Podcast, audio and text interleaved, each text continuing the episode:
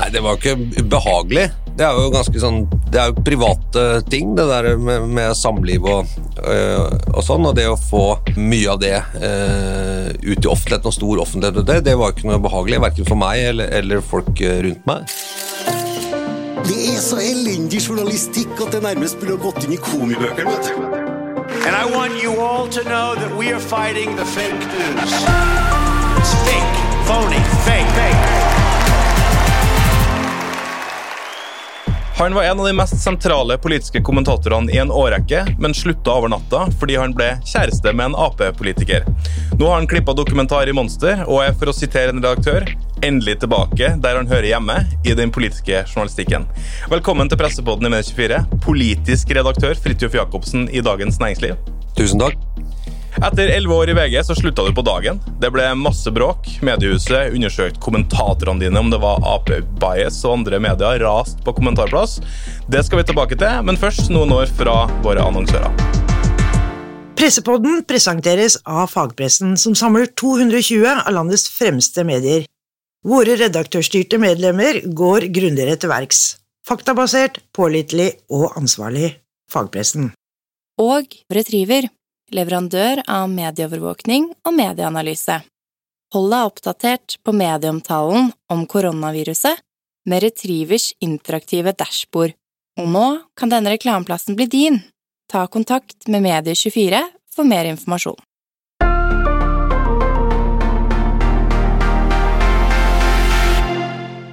Fridtjof, sist gang vi møttes i et mediebygg var i Akersgata 55. Eh, nå er vi hos Dagens Næringsliv i Kristian Krogs gate ved Akerselva. Hvordan er det å gjøre comeback? Det har vært en veldig eh, morsom uke. Eh, veldig godt mottatt her i Dagens Næringsliv, eh, og rett inn i en eh, kjempesak som avisa har, disse Equinor-avsløringene borte i USA. Eh, Så det har vært, eh, vært veldig ålreit. Eh, Jeg gleder meg til resten av gjengen her kommer på kontoret, men, så det er litt rart å begynne i litt sånn veldig tomt bygg, men, men ellers må jeg si det har vært en veldig fin uke. Det, du har jo vært ute i et års tid. Er det sånn at du er nå er done with the easy living og klar for å jobbe litt på ekte igjen? Jeg har jobba en del i det året jeg har vært borte. Det, det er et litt sånn rart trekk med, med pressebobla, kan man si, er at hvis du ikke er i den, så tror folk nærmest at du ikke eksisterer. De er sånn ja, du, du kjeda deg vel nå, noen ser deg sånn Jeg har jo hatt en egentlig veldig både krevende og morsom jobb i, i Monster, som et eh, sant, fantastisk produksjonsselskap, og jobba med en sånn Estonia-dokumentar. men eh, men der har kanskje pressefolk litt å gå på, at, eh, at de må skjønne at eh, om du ikke lever akkurat i den bobla de er i, så fins man fortsatt i verden. Men velkommen tilbake til bobla, det er ingen tvil om. Ja, tusen takk for det. Altså, nå, når vi spiller inn dette, så har du jo vært som du sa, politisk redaktør i, i ei uke. Eh, hvordan føles det? Nei, Jeg har ikke tenkt så mye på det i sånn stort eh, metanivå. Jeg har prøvd å lære meg så mye jeg kan om Dagens Næringsliv, og alt fra hvilke datasystemer de bruker, og få det opp å stå, til eh, hvordan organisasjonen er skrudd sammen, og hva som eh, forventes her, og hva jeg skal gjøre, og, og, og sånn. Det, det er det jeg har gjort. Og så har jeg gått hjem hver dag og tenkt at jeg gleda meg til å gå på jobben i morgen, så jeg tenkte å fortsette at det skal være sånn. Det, ja, det føles bra, og så er det vår, og det ser ut som Norge er på vei med å åpne litt, og alt faller sammen her igjen eh, på en bra måte. Det går mot eh, lysere tider. La oss snakke om litt eh, de mørketidene. tidene. For, for litt over ett år siden så sa du til Medie24 at du sitat, slutter i VG fordi at du ønsker å etablere et forhold til Jette Christensen, og så slutta du på dagen. Nå har det gått ett år. Hvis du skal se tilbake på den, altså, hvordan var alt dette, dette bråket? Nei, det var ikke ubehagelig. Eh, det er jo ganske sånn Det er jo private ting, det der med, med samliv og, eh, og sånn, og det å få eh, mye av det eh, ut i offentligheten og stor offentlighet, det, det var ikke noe behagelig, verken for meg eller, eller folk eh, rundt meg. Eh, men samtidig så ble det sånn i livet mitt at jeg var nødt til å gjøre noe annet og slutte med det jeg drev med for, å, for at liksom dette skulle gå i hop. Eh, og det var jo ikke sånn ja, eh, det var ikke, var ikke uventet at det ble en del oppmerksomhet og styr rundt det. eh, og det, ja, det var, var ubehagelig, og det var ikke ubehagelig for flere enn meg, det kan jeg jo si. Men nå er det Så gikk det over, og så begynner man å gjøre noe annet. og sånn. Jeg, jeg, jeg dveler ikke så veldig mye med det, egentlig. Det var da, og nå er det over, og nå, ja, nå er jeg her. Altså, Private forhold er jo forbeholdt privatlivets fred i pressen. Det som skiller dette for deres del, er jo at du hadde en veldig sentral eh, politisk kommentatorrolle. Hun hadde en sentral rolle i Arbeiderpartiet. Eh, og et sentralt spørsmål var jo hvor lenge du og Jette Christensen var sammen, flørta eller andre ting. Eh, og Grunnen til at det i hele tatt var av offentlig interesse, var jo eh, fordi det ble reist spørsmål om vi kunne stole på at det du, var skre det du hadde skrevet, var gjort av en journalistisk vurdering, eller, eh, eller om det på en måte ble gjort av hensyn til kilder. Eh, rota du deg noen gang til her, Fridtjof? Nei, alt jeg har skrevet og ment, uh, har vært mine meninger. Har vært danna helt uavhengig og, og uten noen uh, bindinger eller, eller andre sånne ting. Uh, og jeg har heller aldri vært noen del av noen politisk kampanje eller noen sånne ting. Alle mine kommentarer er også gjennomgått i VG. Eh, uten at jeg var til stede der, i to runder, tror jeg, og de har ikke funnet noe spor av det. Men Så- hvordan føltes det- egentlig det? At man skulle gå igjennom alt du har skrevet for å sjekke om du hadde noe bias? Nei, det følte jeg ikke så veldig mye rundt, egentlig. Eh, Det var De gjorde det, eh, og så fikk jeg beskjed om at de ikke hadde funnet noe. Det, jeg var ikke så overrasket over det, for å si det sånn. Det skapte jo et helvetes bråk da du slutta, og Trine Eilertsen i Aftenposten skrev da du slutta at sitat, det er all grunn til å stille spørsmål ved VGs politiske kommentarjournalistikk det siste året. sitat slutt. Hva, hva tenker du når politiske kommentatorer på en måte kommer med den type krumspring rundt eh, den jobben du har gjort? Nei, eh, det er jo helt sikkert må jo ha vært et, et relevant spørsmål å, å komme med da, i den tiden. Eh, og det er jo sånn kommentering her. Altså, det, der, eh, det er grunn til å spørre om det, og vi lurer på det, og er det sånn? sånn det har jeg sikkert gjort i min eh, kommentarjournalistikk noen ganger òg. Så det er jo det, Jeg mener, det er fritt. Det får folk gjøre akkurat som de vil. Men skjønner du at det spørsmålet kom? Jeg vet ikke hva jeg skal si om det. Jeg jobbet ikke i VG da. Det var jo, det var jo noe som VG måtte svare på. Jeg, jeg, jeg vet jo altså, Som sagt, jeg, jeg skrev kommentarer fritt og ubundet, og de gikk i alle mulige retninger. Jeg ble beskyldt for å ha bias den ene veien og den andre veien og mange forskjellige ting, men men det var nå sånn jeg sånn jeg skrev. og jeg, jeg var, Det gjorde det fritt og ubundet. Det var, det var stor høyde for det i VG, at man gjorde det helt fritt og ubundet. og Det var veldig godt klima for det i, i den kommentaravdelingen. Eh, og det var sånn jeg jobba. Eh, og så ble det sånn at når jeg skulle eh, bli kjæreste med en eh, politiker, så kunne jeg ikke ha den jobben lenger. og Særlig ikke den fasen hvor dette skulle liksom innledes. og sånn. Det var, så, sånn var det bare. Jeg tror det, var, det er ganske logisk i og for seg. da. Så da sa jeg opp da, og forlot eh, avisen. Ja, for Det stakk jo på dagen her. Gard Steiro sa jo også at den rollen var uforenlig med, med den rollen som du hadde. og sånn. Hva, hva tenker du om den type uttalelser? Nei eh, det, det sa han altså, Jeg vet ikke jeg, tenk, jeg, vet ikke jeg, jeg har egentlig ikke tenkt så mye på det. For meg, så, de, sånn, de sentrale tingene for meg var at jeg, jeg sluttet i VG. Jeg måtte finne noe annet å gjøre. Eh, eh, fordi livet mitt ble sånn. Eh, og så etter hvert begynte jeg å jobbe i Monster, hadde det veldig ålreit med det. Eh, og så dukka denne muligheten opp. Eh, og det var jo en veldig si, stas å få den tilliten.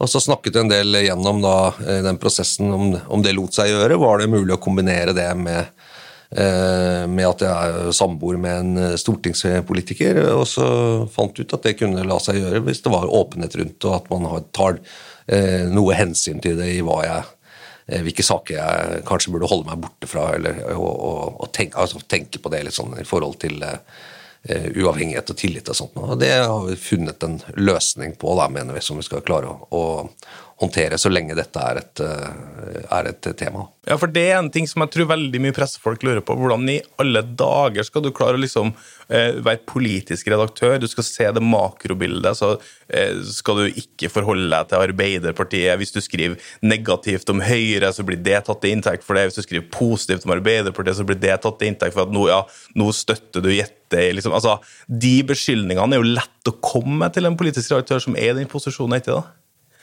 Jo da, eh, beskyldninger på en måte om, eh, om utgangspunkt og, og, og ideologi og sånt, og det, det hagler over kommentatorer og politiske redaktører hele tiden.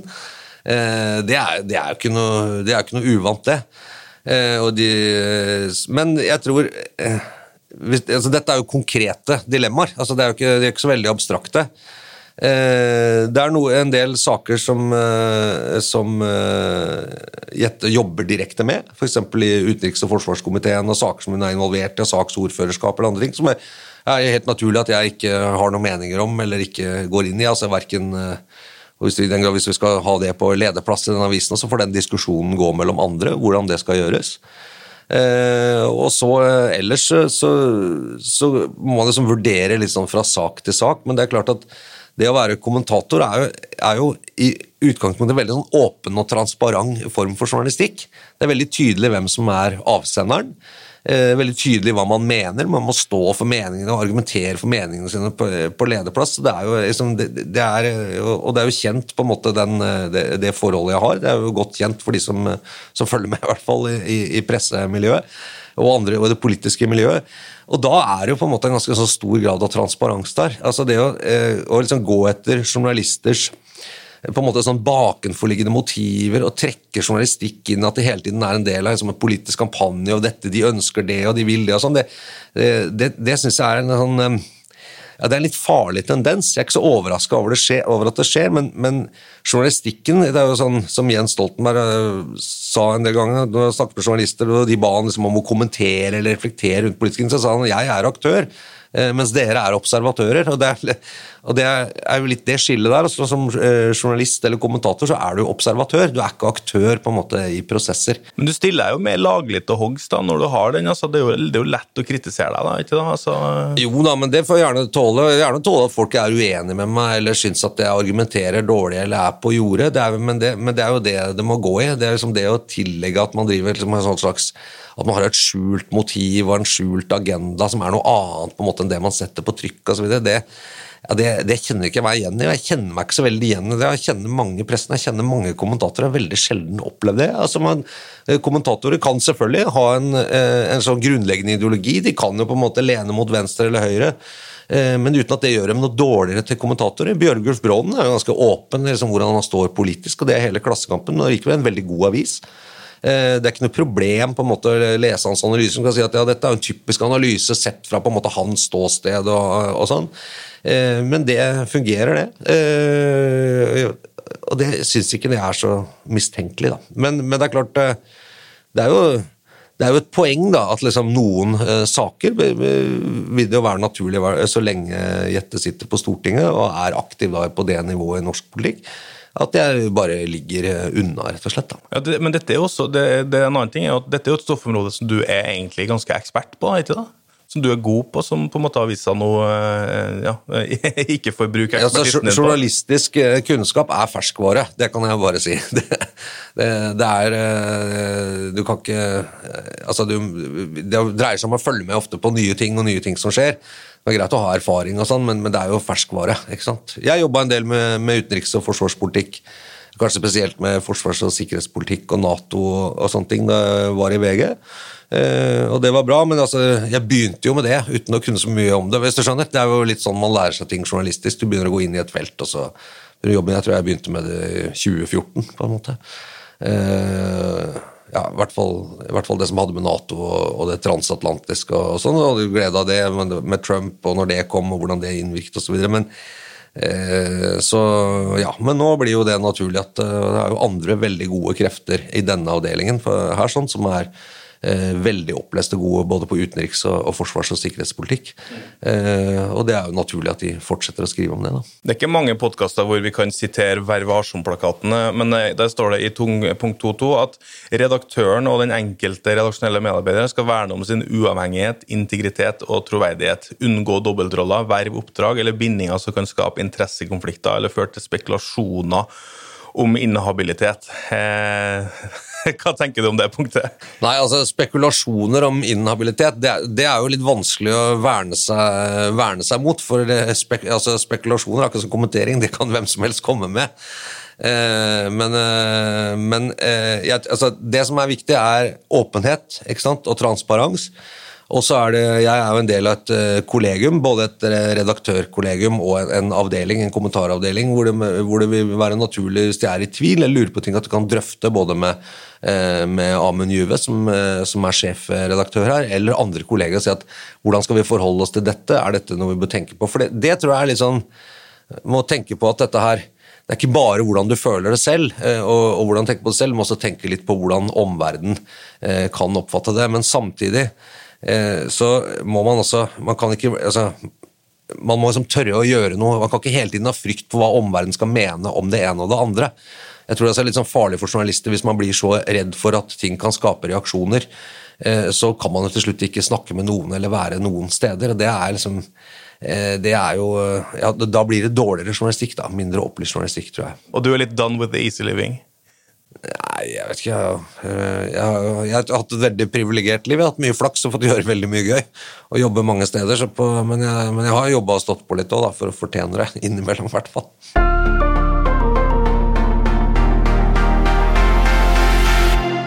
Pressepodden presenteres av fagpressen, som samler 220 av landets fremste medier. Våre redaktørstyrte medlemmer går grundigere til verks. Faktabasert, pålitelig og ansvarlig fagpressen. Og Retriever, leverandør av medieovervåkning og medieanalyse. Hold deg oppdatert på medieomtalen om koronaviruset med Retrievers interaktive dashbord. Og nå kan denne reklameplassen bli din. Ta kontakt med Medie24 for mer informasjon.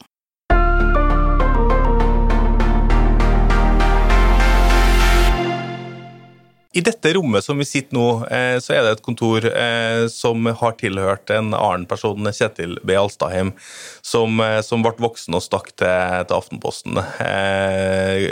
Dette er jo en mann som har markert seg i betydelig grad gjennom veldig mange år. Er det litt som å hoppe etter Wirkola? Eh, altså Kjetil er jo en av de kommentatorene som jeg leste nærmest slavisk. for altså, Han er en, en, fenomenal skribent, utrolig god til å skrive, veldig morsom. Eh, og også med, ganske, med stor innsikt. Eh, så jeg respekterte han veldig, eh, og, og syntes alltid det var eh, ja, artig. Ble på en måte ja, litt kjent, men altså sånn som man blir i det greiene. Så jeg har satt, satt stor pris på han, både som kommentator eh, og også som eh, som eh, menneske. da. Jeg synes Han er, han er også en veldig sånn redelig, fin type.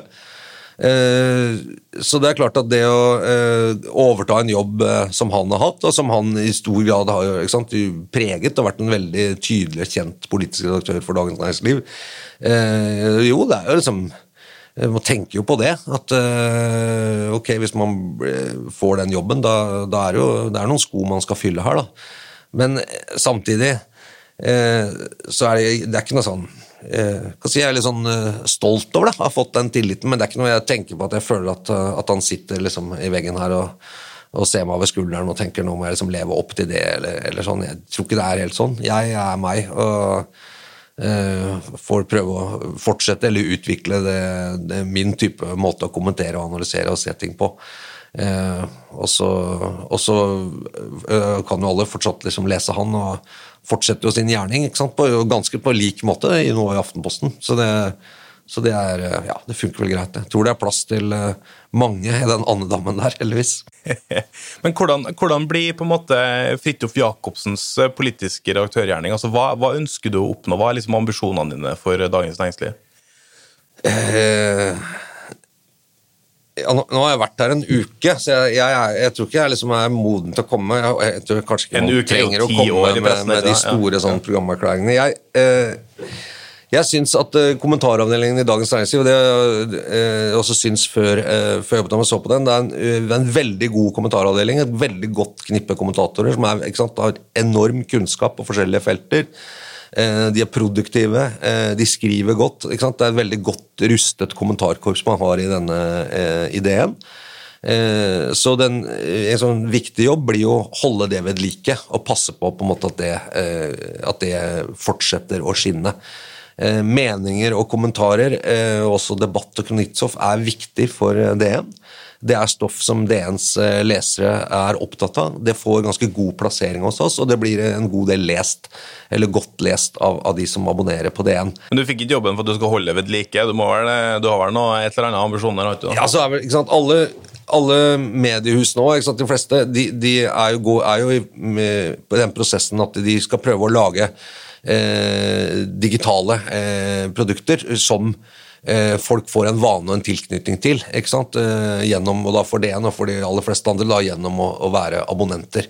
Eh, og Det er jo ambisjonen, at eh, vi må være med på prøve å finne ut i denne avdelingen hvordan vi skal være med på at DN eh, på forskjellige plattformer, enten det er mobil eller, eller andre typer ting, blir et sted som våre lesere og abonnenter søker til og liker å være, og at flere ønsker å være der og ha det som en, av sine helst viktigste nyhetskilder gjennom døgnet. Eh, og det er, det, det er, jo den, det er den jobben, det er det alle i, i må tenke på, er hvordan skal vi sy sammen den pakka, og hvordan kan alle de ulike bidra til at, at, sant, at vi blir en viktig del av nyhetstilbudet til, til, til folk, og til flest mulig. Mm. Og det er det eh, på noe sånn strategisk som jeg må være med å, å jobbe ut av. Hvordan, hvordan meninger og, og, debattstoff skal passe inn i det. Mm. Eh, og så tror jeg heldigvis at sant, meninger og debatt er eh, Det er godt stoff, og det er en av de eh, stofftypene som, som, på en måte har veldig stor, bra overføringsverdi fra papir til digital. Og det, synes jeg VG det var, over, det var kanskje man litt sånn, tenkte at Fordi det lå alt på side to og tre i avisen, og det var litt sånn ad stadio, det er ganske sånn tradisjonelt med lederartikler og kommentar og kommentator, sånn, litt sånn ærverdig, og, og kanskje var omfattet med litt sånn at det luktet litt papir av det. Men det stoffet har sånn enorm overføringsverdi til digitalt. var noe av det stoffet som var lettest å dra over på digitalt, mener jeg. DN har kommet veldig langt til det, men det må vi bare fortsette å kjøre på med. Du kommer jo fra en, et VG med en helt sinnssykt digital posisjon til et DN som, ja, hva skal vi si, eh, har stort potensial. Eh, hvordan eh, Altså Men det har jo en vanvittig posisjon på papir, nettopp som du sier. Eh, noe av det som kanskje blir viktig for dere fremover, er kanskje å løfte også den trafikken og sånn. Hvordan ser du på meningsstoffet sin posisjon her? Nei, jeg synes, som jeg kan se, at Meningsstoffet har en ganske eh, sterk posisjon eh, i DNs digitale tilbud. Det må vi bare fortsette å ha. Jeg håper i hvert fall det, men det, men det viser seg også. Det, det er populært stoff som er på DN. Eh, når det gjelder liksom litt sånn de større sånn forretningsmessige strategiene, sånn, så da, da, tror jeg jeg trenger litt mer tid til å være det. og det, det er ikke... Eh, eh, men jeg, jeg tror sant, at en avis Det er, det er, en, eh, det er ekstremt høy journalistisk kvalitet i Dagens Næringsliv på mange, eh, mange områder. Eh, den er, vil jeg si, har den suverent beste og mest kritiske og opplyste næringslivsjournalistikken i Norge. Og man kan se eksempler på det. Eh, Når det gjelder denne store Equinor-saken som har kommet denne uka, så kommer jo det ut av liksom mange år eh, erfaring med å jobbe med, eh, med store selskaper og med næringsliv og sånn type blikk. Det kommer ikke ut av ikke noe, på en måte. Den har veldig gode og antageligvis et av de beste miljøene for undersøkende og gravende journalistikk. Det er en rekke SKUP-priser, SKUP-diplomer og store avslørende featuresaker som er en arv på en måte fra, fra gamle DN Lørdag, magasin osv. som er ført videre, som jo er et eksepsjonelt sterkt miljø. De er veldig gode på løpende, rask nyhetsdekning når det gjelder fra, fra næringsliv og finans. I Norwegian-skandalen f.eks. så har jo dette huset vært vet, absolutt nyhetsledende når det gjelder å få ut ordentlige nyheter. Og Det er liksom forskjell på å liksom få ut egne ordentlige nyheter og oppsiktsvekkende ting enn å liksom trykke kjappest på pressekonferansen. hvis du skjønner, Det er sånn to litt forskjellige ting. Og det bare merker i dette huset at det sitter så mye kunnskap, så gode kildenettverk, så mye forståelse, så mye utdanning, så mye erfaring at liksom alle forutsetninger er til stede for å lage et veldig godt kvalitetsprodukt journalistisk i høyt tempo eh, digitalt, som man har gjort på papir lenge. Og Det er god gang med å gjøre det allerede. Eh, og det tror jeg bare kommer til å fortsette. Det er en veldig god fart her på det. Mm. Journalistikken har vært gjennom et opprivende år i, i 2019 med den eh, politiske journalistikken. Eh, Bar Vulkan-saken, kildeutvalg, hurra meg rundt. altså Det har vært veldig mye rart. Du har jo observert det her på avstand. Eh, hvordan har bransjen sett ut fra ditt eh, ståsted? Jeg tror man må skille altså det, som, sant, det som tar veldig mye plass hos bransjen selv eh, og som nærmest virker helt sånn altoppslukende. For utsiden er jo det langt mindre. jeg tror, jeg som jeg merket Når jeg kommer på utsiden, så er du mer opptatt av liksom, Får jeg god journalistikk? Får jeg engasjerende, kritisk, god liksom, journalistikk som svinger på forskjellige felt, også når det gjelder politikk? Og Det syns jeg har vært sånn relativt eh, ok levert eh, tvers gjennom det. Og det er jo det man må tenke på. ikke sant? Eh, pressens eh, hang til selvopptatthet er jo grenseløs. Eh, ikke sant? Og det, det er lov, det, å både like seg selv og være selvopptatt. Og bransjer som har en så stor grad av sånn profesjonsidentitet og sånn, blir jo ganske selvopptatte og, lever sånn i sin egen verden. Eh, ikke sant, så negativt, men det er en av de tingene du merker når du er på utsiden av det. Så blir det sånn herregud, ja ja, dere er jo veldig veldig opptatt av hverandre og dere selv. Det er resten av omverdenen som faktisk bruker dette. da er ikke så opptatt av det. Er det litt flaut når du ser det? liksom? Nei, det syns jeg ikke. Jeg, tror alle miljøer er det. Altså, jeg tror Hvis du jobber i politiet, så er du mest opptatt av politiet. ikke sant? Og jobber i Forsvaret, så er du ja, da er du veldig opptatt av Forsvaret. Du har liksom alle, mange venner her og alle forbindelser. Sånn er det i miljøer. Eh, leger er sikkert mest opptatt av leger. Jeg, jeg tror det er helt, helt vanlig.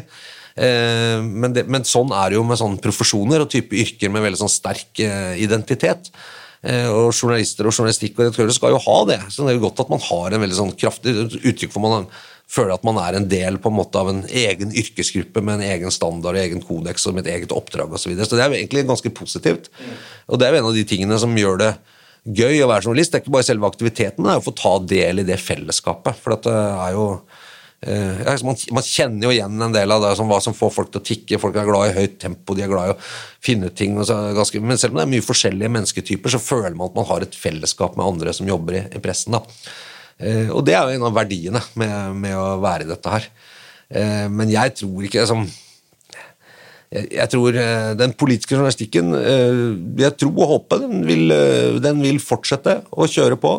Eh, vi så liksom rundt Venstre og Venstre, ikke sant? og FrPs avgang og ut av regjering, ledersiden i Venstre og sånt, og så ble det jo levert god eh, og til tider sånn fremragende, godt informert politisk journalistikk med åpne og lukkede kilder, og på en måte helt sånn klasse, sånn som eh, politisk journalistikk er. Og denne avisa satser jo eh, tungt på det. Godt skodd, eh, tre Eh, si, fremragende politiske reportere eh, som er veldig gode på dette, og som har lagd mange veldig gode saker. Og fortsetter å satse på det. og Det var en av de grunnene til at det var veldig gøy å komme hit. At denne avisa liksom satser hardt på, på si, rendyrket uh, kritisk politisk journalistikk. Da. En del av de, de, den konflikten som kom i, i sett i lys av 2019, eller den diskusjonen som er vedvarende og fortsetter også, eh, gjelder jo bruk av anonyme kilder, den type ting, i den politiske journalistikken. Eh, hvor kritikerne mener at dette er en uting, dette må vi slutte med. Mens eh, de journalistiske miljøene som er, som er, for dette, de mener at dette er nødvendig for å få fram eh, liksom, hva, hva er som egentlig skjer her. Eh, hva er ditt take på bruk av anonyme kilder? Og, ja, det er jo en pågående debatt akkurat nå. Ja, nå, jeg er politisk redaktør, så jeg, så, så, min linje så svarer på en måte for meninger. Eh, og kommentarer og sånn. Der, der eh, så, liksom, Hva som gjelder, hvilke regler som gjelder for nyhetsjournalister, det, det har aldri vært liksom mitt aldri vært i min linje, for å si det sånn. Men jeg regner med politiske redaktørene DN kan mene noe om det? Ja, ja. Jeg, jeg, vil si journalistikk handler jo om å skaffe seg informasjon, og gjerne skjult informasjon. Eh, eller informasjon som ikke er offentlig tilgjengelig. Som du ikke liksom kan plukke fra, fra Du kan også skrive liksom åpen informasjon, men det gjelder også å skjønne hva som skjer, eller få tak i hva som skjer. Eh, I det arbeidet så er det viktig, som i all journalistikk, med kilder som kan fortelle deg ting. Eh, og de kildene for at de skal fortelle deg ting, er nødt til å eh, kunne ha et eh, vern hvis de trenger det. For, det kan, for det kan være, altså de kan ikke fortelle deg det åpent, eller kan ikke stå frem med det. Det er, det, altså det er et utrolig viktig sikkerhetsventil i journalistikk.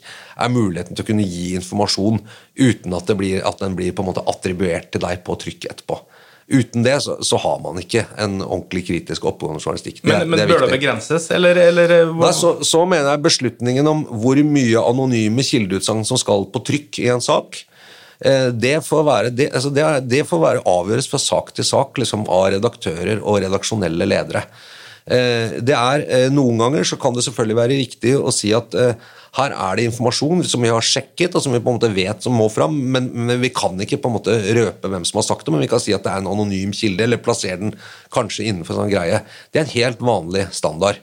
eh, at det gjøres det. Eh, og det, det er selvfølgelig uproblematisk, men dette, dette er jo? Dette, dette, Man kan ikke gjøre dette til sånn til sånn altovergripende regler som passer på alt. Dette er konkrete vurderinger som du må gjøre fra sak til sak, og nærmest avsnitt til avsnitt i en tekst, hvordan dette skal brukes. Så det må gjøres i samband med reportere og redaksjonelle ledere og redaktører, hvordan det skal være. Det er jo en veldig lang tradisjon for eh, at man eh, at dette er at journalister kan skaffe og si at ja, vi har den og den opplysningen til anonym kilde, så kan man si at nei, den, kan, den vil vi ikke sette på trykk. Kan redaktøren si kanskje journalisten blir, da, blir sur, da. ikke sant? Men, men, man må jo fortsatt skaffe opplysningene, hvis du skjønner. ikke sant? Eh, som eh, kommentator eh, så er det jo for å skaffe seg best mulig oversikt over hva som skjer, så får man jo samtale med en rekke mennesker. Det som er litt eh, luksus som kommentator, er jo at man kan ha eh, hva skal man si, uforpliktende samtaler med masse folk uten at det, at det, gjør at man må opp med blokka. Altså man, man, snakker ikke med folk for å sitere dem, man snakker med folk for å få kunnskap, analyser og sånn. Og Noen ganger så er det for å bli spunnet. Det har blitt mange ganger. Det er gøy, det å få spinn. ikke sant? Det får man jo som kommentator og sånn hele tiden. Det er ikke så vanskelig å håndtere, men man blir litt sånn moden på det. og Bare så sørge for at man har en jevn input av forskjellige ting for å skaffe seg et bilde av hva som skjer, som gjør at man kan prøve å gi et så godt analysert bilde som mulig. da. Jeg har jo møtt deg et par ganger eh, etter at du slutta. I, i, jeg tilfeldigvis møtte deg på Aker Brygge, blant annet. Ja, ja. Sånn. Og så, Jeg syns du har sett litt sånn, der, litt, sånn, eh, litt bleik ut, men nå syns jeg du har fått fargen litt tilbake igjen. og så er du litt sånn, eh, Har du savna den politiske journalistikken? Det er litt sånn deilig og liksom the comeback kid, eller? Nei, altså Grunnen til at jeg var bleik, var vel at det var på vinteren. Så nå har jeg vært ute. Det, det er liksom ikke mer enn det. Nei, du, jeg må si at eh, Den tiden i Monster å jobbe med den Estonia-dokumentaren var veldig eh, gøy. Jeg likte det miljøet veldig godt. Altså, jeg synes Det var eh, utrolig mye bra folk og et utrolig sånn produktivt, raskt og, og, og bra miljø som lagde masse, masse fine ting. Og jeg jobbet også med, med folk i det Estonia-teamet som jeg, jeg synes var utrolig flinke. Jeg lærte masse, så jeg syns det var veldig gøy. Og hadde vel egentlig sett for meg eh, at når Estonia var ferdig, at jeg skulle fortsette. Eh, hvis de ønsket det, og liksom kanskje gå løs på et nytt prosjekt. Hadde til og med en idé som jeg ja, som liksom begynte så vidt med, som, som jeg fortsatt syns er ganske god. Så jeg håper det blir noe av det, men jeg kommer til å være litt sårt ikke å være med på den selv. Hva da? Nei, det kan jeg ikke si. Eh, jeg, jeg, kan si det når, hvis det blir noe av. Men eh, så, så, var, så jeg, jeg, begynte ikke det fordi jeg liksom hadde savnet noe å gjøre noe annet. Sånn. Jeg, jeg, hadde det bra, jeg. Eh, sånn, men når, når, den muligheten kom, eh, så, ja, så, det, så måtte jeg jo tenke over det. og Det var en del ting å tenke over. Jeg går, lar det seg gjøre? Men også liksom Vil, vil jeg dette? Eh, er det, kan jeg se, så ser jeg meg selv at jeg har lyst til å ha den jobben om fem år. Altså, det er jo det man tror jeg må tenke på når man får tilbud om ting. så så er det, det, er jo stas å få tilbud, da blir man jo litt sånn sjekka på en måte, men, men du må jo gå de rundene og tenke er det, vil jeg det som innerst inne? Ja, For da blir du en offentlig figur igjen, da? Ja, det er ikke så Det, det skal ikke være så problematisk. Eh, jeg er ikke så eh, ja, jeg, Det tror jeg kan deale med å være en offentlig figur, det, men det har jeg liksom vært noen år. Uten at jeg synes det er det er, ikke så veldig motivasjon for meg å være det, men, men jeg skjønner bare at det kan komme med jobben, på en måte. Eh, men, eh, men jeg, ja, det var veldig forlokkende. Men, men, mest av alt Ikke det var nødvendigvis et comeback i den politiske journalistikken, men fordi jeg har vært heldig som har fått jobbe i NRK, i Dagsnytt 18 ikke sant? og sånne steder som var et helt fantastisk miljø. Og så fått jobbe i VG, som var et uh, utrolig bra miljø. Et sånn fantastisk sted å jobbe masse bra folk, og utrolig sånn eh, profesjonelt og bra sånn trøkk i det nyhetshuset. Og så har jeg fått lov til å jobbe i liksom det jeg mener er Norges suverent beste produksjonsselskap, med, med en svær dokumentar med stort budsjett, og vi, liksom, hvor vi har funnet oppsiktsvekkende ting, og liksom, altså, og liksom fått anna med hvilken kraft det ligger i TV når det blir gjort ordentlig og hvor utrolig gode folk du får jobbe med. Jeg har sittet med Martin Horntvedt, som har lagd musikk til serien, som er en av Norges aller beste musikere og komponister. Altså, det er jo så gøy. Eh, og nå får jeg til å jobbe i DN, som jeg på en måte har lest siden jeg var eh, sikkert 20 år, siden det het Handels- og sjøfartstidene. Husker liksom Kåre Valebrokk-tida og, og, og, Kjetil Widsvang, som liksom var en av mine sånn, første sånn, journalistiske forbilder, syntes han skrev kult. og sånn. Han sitter jeg nå og jobber sammen med, osv. Altså, det er jo det var jo bare veldig forlokkende å få lov til å bli en del av det. Mm.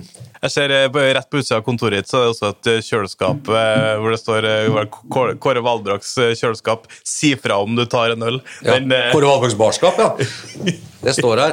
Jeg tror Hvis du åpner det, så ligger det en halvdrukket Farris. Så det er nye tider, altså. Jeg får si det. Nye tider for alle sammen. Fridtjof Jacobsen, takk for at du stilte opp i Pressepodden. Takk skal du ha.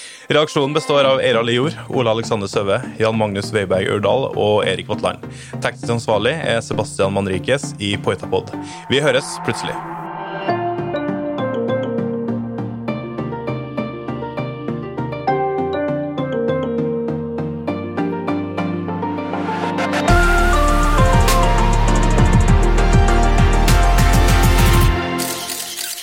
Pressepodden presenteres av fagpressen, som samler 220 av landets fremste medier. Våre redaktørstyrte medlemmer går grundigere til verks. Faktabasert, pålitelig og ansvarlig. Fagpressen. Og Retriever, leverandør av medieovervåkning og medieanalyse. Hold deg oppdatert på medieomtalen om koronaviruset med Retrievers interaktive dashbord. Og nå kan denne reklameplassen bli din. Ta kontakt med Medie24 for mer informasjon.